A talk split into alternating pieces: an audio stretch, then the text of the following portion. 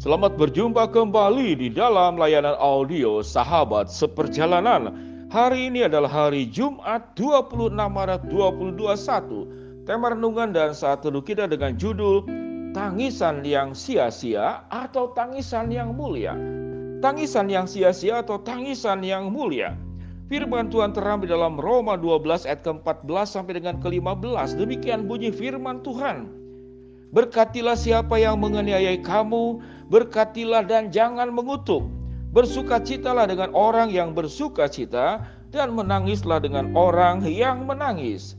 Mari kita berdoa.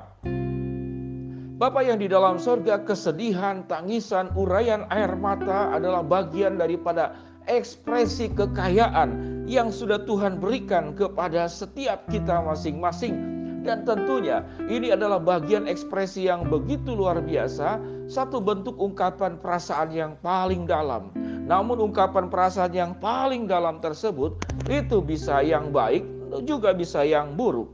Berbicaralah Tuhan, di dalam nama Tuhan Yesus kami berdoa. Amin. Shalom sahabat seperjalanan yang dikasih Tuhan. Di dalam doa pembukaan tadi dikatakan bahwa tangisan itu adalah ekspresi perasaan yang paling dalam. Kalau tidak menyentuh kepada perasaan, kita tidak akan menangis. Tetapi tatkala itu menyentuh kepada perasaan kita, kita akan menangis. Jadi tangisan itu karena ada sentuhan kepada perasaan yang paling dalam. Apa itu yang paling dalam? Bisa yang baik, bisa yang buruk. Kalau yang baik tentu tangisan bentuk ungkapan perasaan yang paling dalam itu karena kita terharu untuk hal-hal yang mulia kita terhalu melihat orang yang percaya kepada Kristus dan diselamatkan. Setelah kita doakan sekian lama dan pada akhirnya dia membuka hati untuk percaya kepada Kristus. Kita menangis sebagai bentuk tangisan yang dalam tatkala ada orang-orang yang kena musibah, bencana, bencana banjir, longsor, pandemik dan segala sesuatu. Kemudian ada banyak sukarelawan yang berduyun-duyun datang untuk membantu Lalu kita menangis satu ungkapan perasaan yang terdalam, nangis terharu. Kemudian diikuti dengan tindakan kita juga berbagian. Maka ini adalah tangisan-tangisan yang mulia. Tangisan yang mulia juga bagaimana Yesus menangis.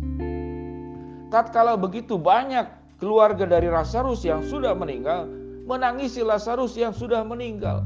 Mengapa orang yang dikasihnya kemudian berpulang terlebih dahulu?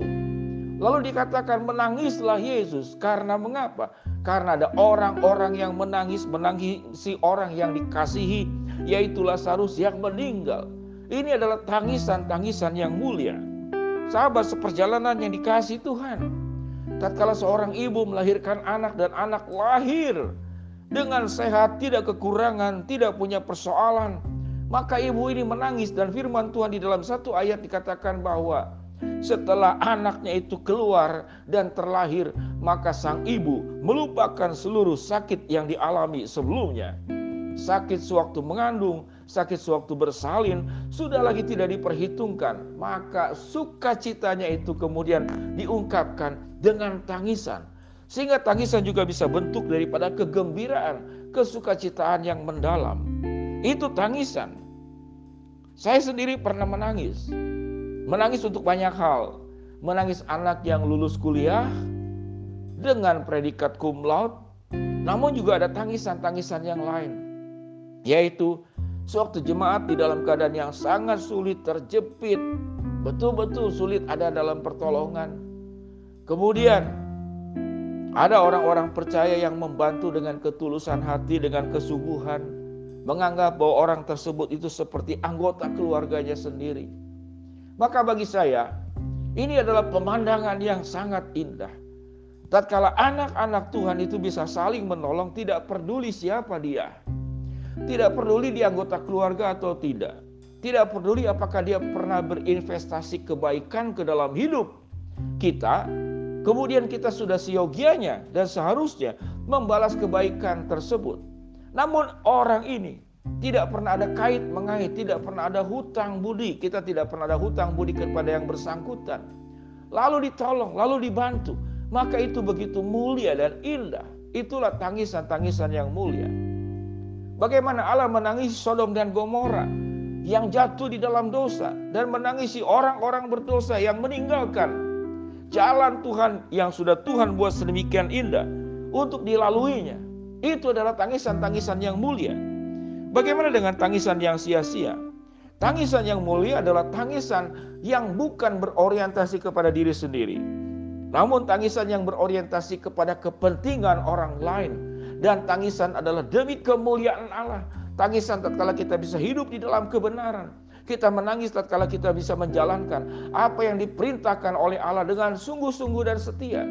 Sebuah tangisan tatkala kita memenangkan peperangan-peperangan hidup kita tidak meninggalkan Tuhan, kita tidak jatuh di dalam dosa, kita bisa tetap memegang iman. Sekalipun godaan sedemikian besar, sekalipun masalah sedemikian dahsyat, namun kita tidak meninggalkan Tuhan. Di dalam perjuangan itulah kemudian di dalam doa kita, kita menangis kepada Allah dan kita bersyukur, ya Allah terima kasih. Engkau sudah menjaga hidupku, engkau sudah menjaga imanku, engkau sudah menjaga keluargamu untuk hidup di dalam kebenaran dan tidak meninggalkan Tuhan. Itu adalah tangisan yang mulia. Bagaimana dengan tangisan yang tidak ada gunanya atau tangisan yang sia-sia? Yaitu menangis karena serakah, menangis karena iri hati, menangis karena cemburu, menangis karena masa lalu yang tidak bisa dirubah. Buat apa? Masa lalu yang tidak bisa dirubah, Anda menangis darah sekalipun, tetap masa lalu tersebut adalah menjadi catatan sejarah yang tidak bisa dirubah. Apalagi menangis karena dosa. Menangis karena saya tidak bisa balas dendam. Itu adalah tangisan sia-sia dan tangisan yang perbuatan dosa. Kita menangis mengapa dilahirkan orang tua seperti demikian. Itu tangisan yang tidak perlu. Kita menangis Kenapa tidak lulus ujian? Kenapa tidak nyontek saja? Maka yang dipikirkan kenapa tidak berbuat curang supaya lulus ujian? Itu tangisan yang tidak perlu. Kita menangisi pasangan hidup atau pacar Anda yang ternyata sudah dinikahi oleh orang lain. Buat apa ditangisi? Bahwa dia kekasih kita sudah jadi istri orang lain, sudah jadi suami orang lain. Mengapa kita menangisi? Jadi jangan menangisi karena unsur dosa, jangan menangisi juga karena hal-hal tersebut yang kita tangisi itu tidak bisa berubah. Itu sudah terjadi, itu sudah berlalu. Menangisi masa lalu untuk apa? Tidak pernah akan dirubah, tidak pernah akan bisa berubah karena itu sudah terjadi di masa lalu. Sahabat seperjalanan yang dikasih Tuhan, ada juga yang menangis karena mungkin bintang filmnya itu sudah menikah. Menarik juga anak-anak remaja itu berharap bahwa K-pop itu bintang filmnya itu jangan menikah. Jadi mereka punya sebuah katakanlah halusinasi bahwa bintang film itu menjadi kekasihnya dan tidak boleh menjadi milik orang lain. Padahal bintang film itu atau bintang penyanyi itu tidak mengenal siapa dia. Jadi artinya bagaimana? Jangan menangisi untuk hal-hal yang tidak perlu, yang tidak bisa dirubah, apalagi menangis karena engkau ingin berbuat dosa dan tidak bisa dilakukan. Tetapi biarlah kita memiliki tangisan-tangisan yang mulia. Seperti tangisan Yesus yang seluruh hidupnya Yesus tidak pernah menangisi dirinya sendiri. Sekalipun diterpa berbagai macam penderitaan, masalah yang luar biasa. Namun Tuhan menangis adalah untuk kita, untuk kebaikan kita untuk menolong kita, untuk mencintai kita. Biarlah sahabat seperjalanan, kita boleh memiliki tangisan yang mulia dan bukan tangisan yang sia-sia. Mari kita berdoa. Bapak yang di dalam sorga, hambamu berdoa buat sahabat seperjalanan yang sedang sakit di rumah sakit ataupun di rumah. Tuhan jamah, Tuhan sembuhkan. Buat sahabat seperjalanan yang sedang menghadapi kendala, kesulitan, tantangan, rintangan, dan masalah, Tuhan membukakan jalan. Buat sahabat seperjalanan yang sedang berdoa, mengharapkan sesuatu, Tuhan yang akan mengabulkan sesuai dengan waktu, rencana, dan kehendakmu. Amin. Shalom sahabat seperjalanan Tuhan memberkati kita semua. Kalau engkau akan menangis, menangislah untuk tangisan yang tujuan mulia dan bukan tangisan yang sia-sia. Shalom Tuhan memberkati kita semua. Amin.